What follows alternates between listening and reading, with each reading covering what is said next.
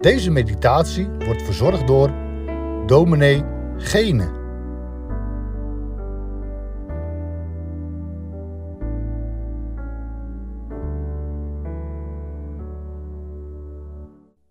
Dag luisteraars voor de, naar het dagelijks woord. Mijn excuses. Ik was u vergeten, of tenminste u vergeten, maar dat ik een opname moest verzorgen voor de donderdag. En nu ik dit opneem is het al de vrijdag en mogelijk dat u dit op de zaterdag hoort. Maar dominee Alblas is dan al voortgegaan met de serie over het boek Rut en aangeland bij hoofdstuk 2. We willen nu lezen uit hoofdstuk 1, vers 18 tot en met 22. Toen zij zag, Naomi zag, dat zij, Rut, zich vast voorgenomen had met haar te gaan, hield ze op tot haar te spreken. Daar eindigde de vorige keer. En dan lezen we verder. Zo gingen zij samen verder, tot zij in Bethlehem kwamen. En het gebeurde toen zij Bethlehem binnenkwamen dat de hele stad over hen in rep en roer raakte. En de vrouwen zeiden: Is dit Naomi? Maar zij zei tegen hen: Noem mij niet Naomi, noem mij Mara want de Almachtige heeft mij grote bitterheid aangedaan. Ik ging vol weg, maar de Heer heeft mij leeg laten terugkeren. Waarom zou u mij Naomi noemen nu de Heere tegen mij getuigd heeft en de Almachtige mij kwaad gedaan heeft? Zo keerde Naomi terug en met haar Rut de Moabitische haar schoondochter. Zij keerden uit de vlakte van Moab terug en ze kwamen in Bethlehem aan het begin van de gerstenoogst. Toen we met dit boekje begonnen, zagen we al dat het een bijzonder geschrift is in de Bijbel. Feestrol, maar ook een, een hele bijzondere compositie. Het is heel nadrukkelijk een verhaal dat begint in hoofdstuk 1 en eindigt in hoofdstuk 4. Men heeft het wel een novelle genoemd. Zoals je het levensverhaal van iemand in een roman beschreven kunt worden, of in een kort verhaal. En nu zijn we aangekomen bij het moment dat Naomi het overgeeft dat Rut met haar meegaat. Dat is natuurlijk een hele gebeurtenis geweest. U hebt daarover kunnen horen. Dat is naar voren gekomen, ongetwijfeld. Dat Rut een geloofsovergave heeft gekend. En dat ze haar beleidenis heeft uitgesproken. Waar u heen gaat, zal ik heen gaan. Waar u overnacht, zal ik overnachten. Uw volk is mijn volk en uw God mijn God. En, en, dat waren grote woorden. En, en het blijkt dat ze die diep doorvoeld heeft. Dat dat werkelijk een geloofsbeleidenis was. Daarom spreekt ze ook die eed uit. De Heere mag mij, mag zo en nog veel erger doen, voorzeker. Alleen de dood zal scheiding maken tussen mij en u.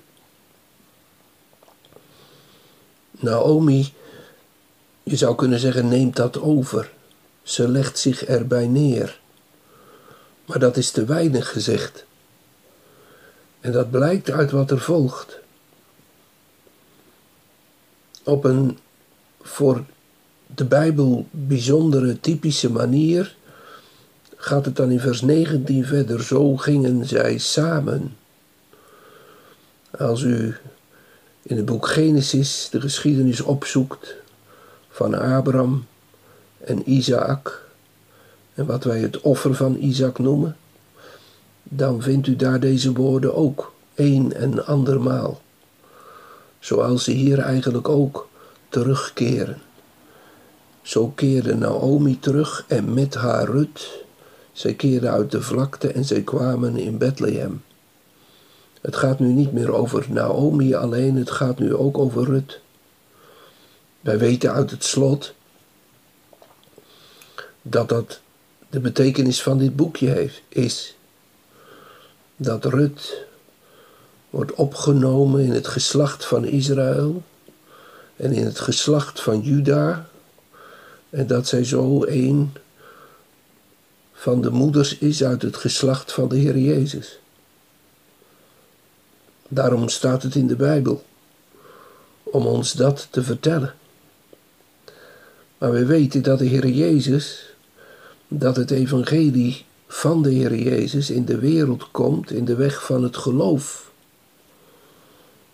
Dat God mensen roept en ze bij Hem brengt en ze in het spoor brengt van het koninkrijk van God.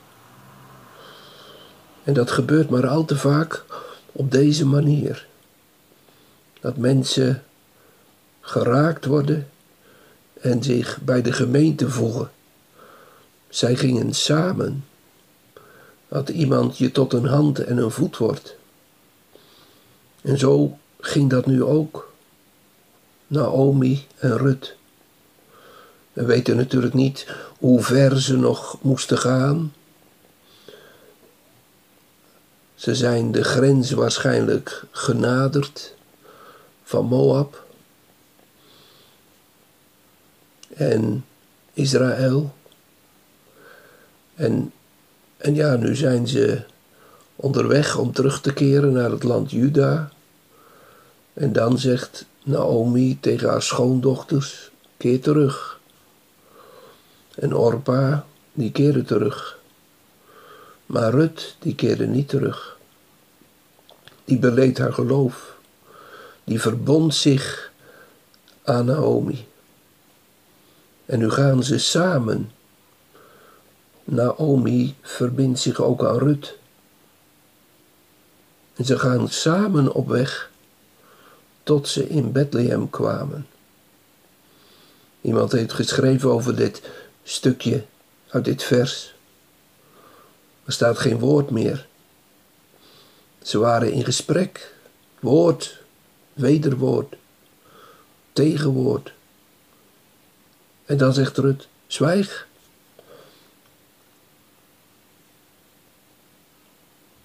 En dan houdt Naomi op tot haar te spreken.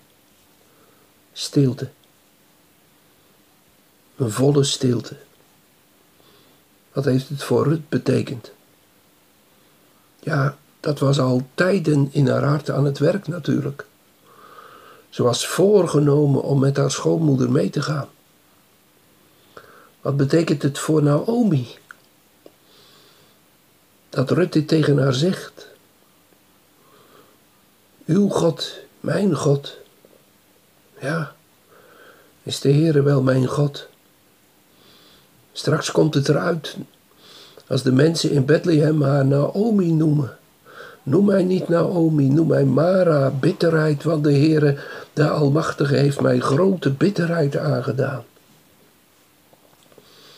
Daar is een geweldige beleidenis. Daar, daar is iets geweldigs gebeurd. Voor die overgang van Moab naar Canaan. Naar het beloofde land. En, en, Naomi zal dat ongetwijfeld hebben overdacht. En hoe het met haar geloof stond? Wel, ja,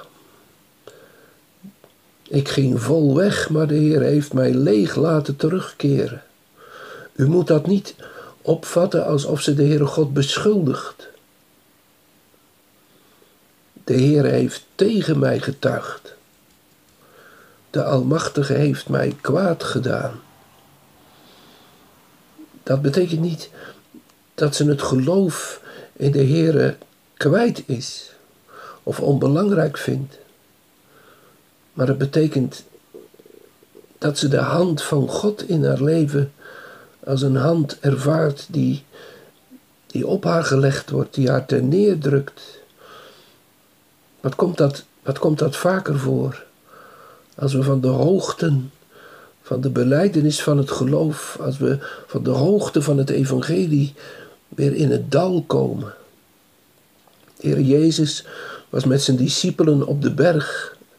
En dan staat er zo heel nadrukkelijk, en toen zij van de berg afkwamen, was daar een man die bij de discipelen was geweest. En, en dan is er geen geloof bij de discipelen. Ze kunnen de jongen niet genezen. Indien jullie een geloof hadden als een mosterdzaad, jullie zouden zeggen: Dit geslacht kan niet anders uitgaan dan door vasten en bidden, zegt de Heer Jezus. We weten niet wat ze in de stilte heeft overdacht. Maar ze gingen samen.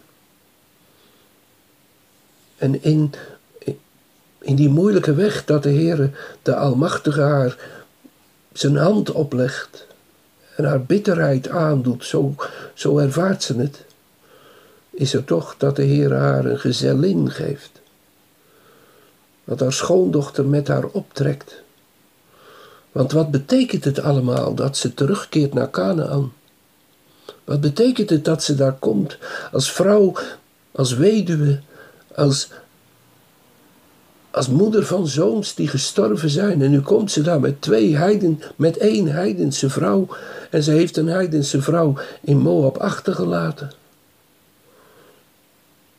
Ze is overgeleverd aan de genade van God. En dat betekende ook aan de genade van de mensen. Of ze wel in de weg van de Heer zouden gaan en er voor haar leven zou zijn. AOW was er niet. Sociale dienst bestond niet. Daar waren de geboden van de Heer. Die zei dat er in Israël geen armen zal zijn. En dat de ware godsdienst is je ontfermen over wezen en weduwen. Maar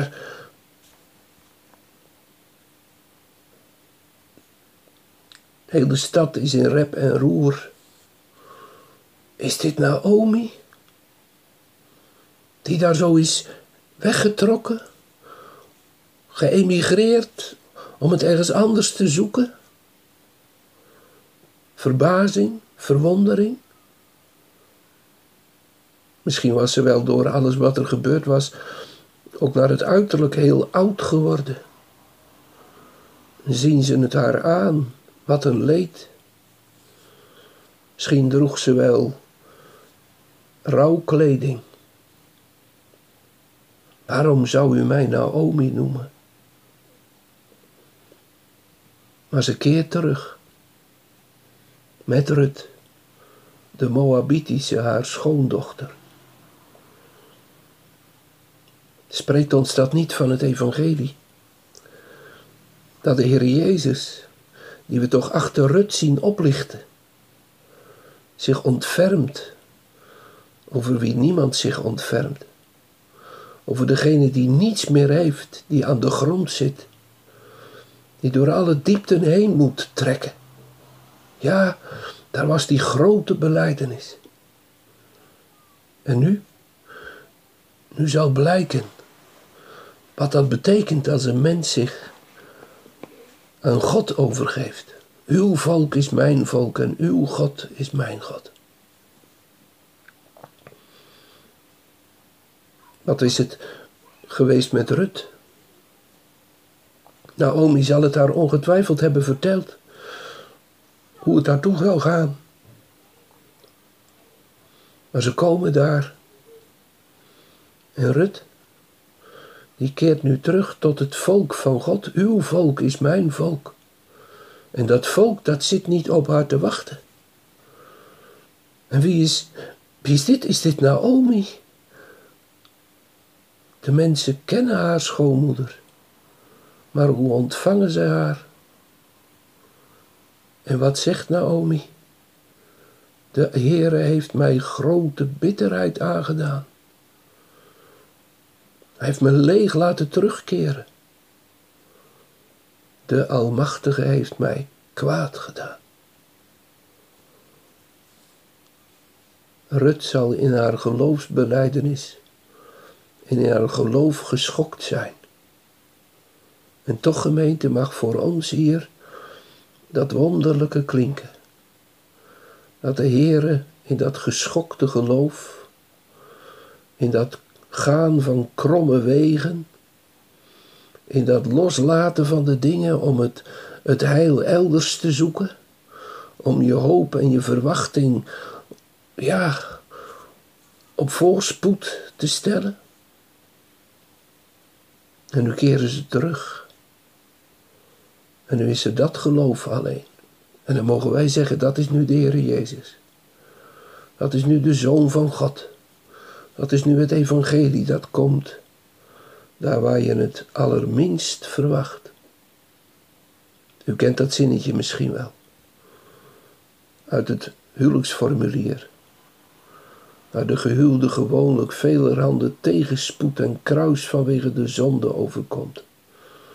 En dan staat er zo troostrijk en bemoedigend dat de gehuwden de hulp des Heren altijd mogen verwachten. Zelfs als men dat allerminst verwacht. Ja, dat wacht nu nog. De geschiedenis gaat voort. Maar er is toch al een klein beetje, een klein beetje zicht op. Want als ze in Bethlehem komen, en u weet dat betekent broodhuis, dan is het het begin van de gerstenoogst. Het boekje dat eindigt. En dan gaat het ook over de oogst. Dan wordt er ook gesproken over het oogsten en het binnenbrengen van de oogst. En dan is er overvloed. En Rut en Naomi mogen erin delen. Dat is het wonder. God geeft brood. Daar waar wij het het allerminst verwachten. God geeft leven. Daar waar de dood lijkt te heersen. Dat is het evangelie. Dat ons ook hier, ondanks dat alles tegen lijkt, toch verkondigd wordt. Ook voor u, welke omstandigheid u ook verkeert. Zullen we samen bidden? Heere God in de hemel, we weten niet wie er verbonden is, maar onder ons is er mogelijk iemand die zo'nzelfde situatie meemaakt. Van diep verdriet, een grote rouw en verlies. En heren, dan, dan komt daar uw woord. En wat kunnen we dat dan soms ook ervaren, dat uw hand ons tegen is, in plaats van dat u ons zegent. En toch, toch zegent u dan. Als we uw hand daarin mogen erkennen. En als we het mogen opmerken dat u bemoeienis met ons hebt. Ook al lijkt dat zo volkomen anders te zijn. Ook al denken we misschien dat dat helemaal niet de goede weg is die u met ons gaat. En dan toch, dan toch. Dan klinkt het woord van het kruis. Mijn God, mijn God, waarom hebt gij mij verlaten? En horen we het het avondmaalsformulier zeggen opdat wij nimmer meer van God verlaten zouden worden. En dan maken we dat soms mee in ons persoonlijk leven. En dan kan het alleen nog maar in de weg van het geloof. Van ons vastgrijpen en vastklampen aan uw belofte. Ook al, ook al moeten we tegen de mensen zeggen, de Almachtige, zijn hand is tegen mij uitgegaan. Hij heeft zijn hand op mij gelegd en hij drukt mij ter neer. En toch leren we daar, zoals Naomi het leerde. En zoals het straks weer zal blijken, door de kracht van uw Heilige Geest, dat het geloof ook in haar leven weer opkwam en ze verwachting had van wat de Heere zou doen. Wees ons zo nabij, Heere, op deze dag. Misschien luisteren we het wel op de zaterdag, op de Sabbat van Israël, de dag waarop uw volk rust. Geef dat ze mogen komen tot de kennis van de eerste dag van de week, van de opstanding van de, uit de doden, van de Messias van Israël, het nieuwe leven. Dat is openbaar gekomen en dat schenkt u door Hem die de weg van het kruis ging. Hoor ons gebed voor elkander in alle omstandigheden, om Jezus wil. Amen. Ik wens u een goede dag.